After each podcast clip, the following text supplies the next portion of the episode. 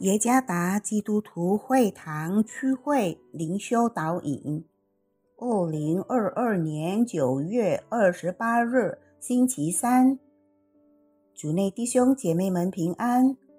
今天的灵修导引，我们要借着圣经《路加福音》第十章第五到十二节来思想今天的主题：有智慧。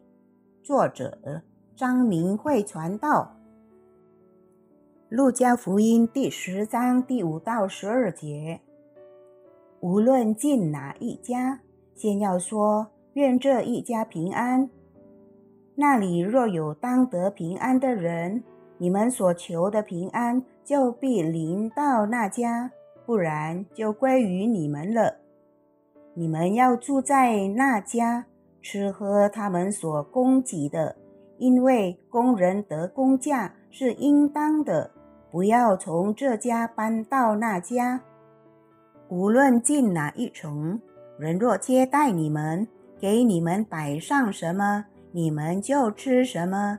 要医治那城里的病人，对他们说：“神的国临近你们了。”无论进哪一城，人若不接待你们，你们就到街上去。说，就是你们城里的尘土粘在我们的脚上，我们也当着你们擦去。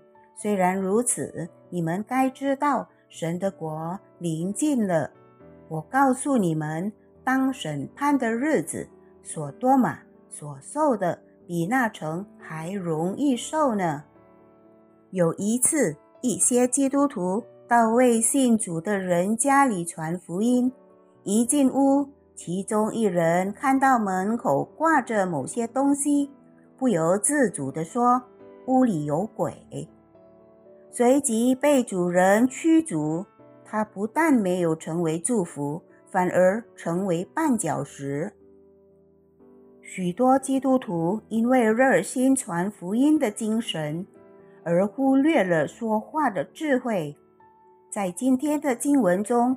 讲述了耶稣差遣了七十个门徒去传福音，并告诉他们要经常向他们来到的家道平安。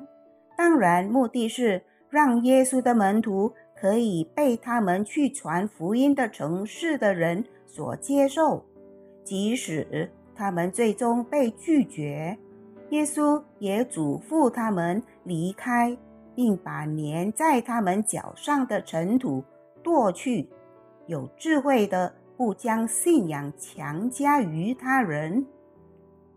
传福音需要以神的智慧说话，所以在传福音之前，先祈求圣灵引导，带领我们到那些已准备好被收割的人。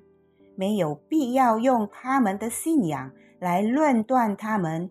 更不必与他们辩论了，也不要透过立即带领他们接受洗礼来强迫他们相信。我们只需要与他们分享福音信息，让圣灵触动他们的心。勇敢并不意味着鲁莽，而是必须有智慧。主耶稣赐福。